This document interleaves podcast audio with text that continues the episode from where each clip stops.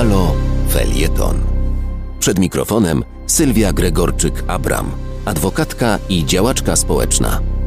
Kolejny rozdział tego, w jaki sposób Trybunał Sprawiedliwości Unii Europejskiej rozprawia się z tak zwanymi reformami wymiaru sprawiedliwości przeprowadzonymi przez Prawo i Sprawiedliwość. Tym razem Rzecznik Generalny Trybunału Sprawiedliwości Unii Europejskiej wydał opinię w sprawie tego, czy właściwa jest następująca procedura, która umożliwia delegowanie sędziów do wyższej e, instancji przez ministra sprawiedliwości, który jednocześnie jest prokuratorem e, generalnym, a ta delegacja następuje tak naprawdę e, w sposób dowolny, na czas nieokreślony, arbitralnie go można również odwołać i w zasadzie te kryteria dotyczące odwoływania i powoływania sędziów są niejasne.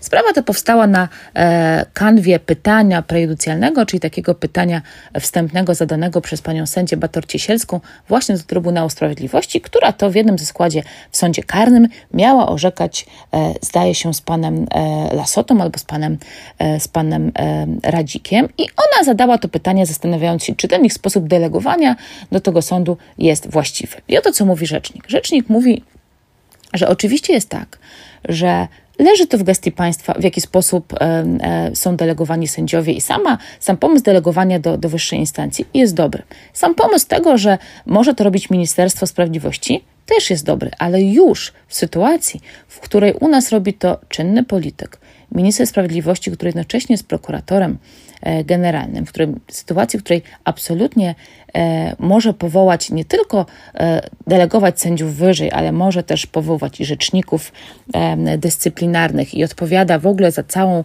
strukturę dyscyplinowania sędziów. Tutaj rzecznik mówi, to już jest za dużo. Dlaczego? No wyobraźcie sobie Państwo, że jesteście na sali sądowej, jesteście na przykład oskarżonym w postępowaniu karnym. Stoicie na tej sali i macie świadomość, że ten sędzia, który siedzi za tym stołem, może być delegowany przez ministra sprawiedliwości, czyli to on zadecydował o jego losie, a prokurator, który jest e, po drugiej stronie naprzeciwko Was, również jego los zależy od ministra sprawiedliwości, bowiem jest jego przełożonym. I co? I w sposób naturalny może być tak, że sędziowie, którzy mogą być skuszeni nagrodą, będą no, naturalnie przybliżać się e, do stanowiska prokuratora a nie waszego, a ci, którzy są delegowani, a nie chcą stracić E, tej delegacji i wiążących się z tym e, korzyści również będą się bali być niezależni i również będą e, przechylać się do stanowiska prokuratora, co sprawia, że ta strona postępowania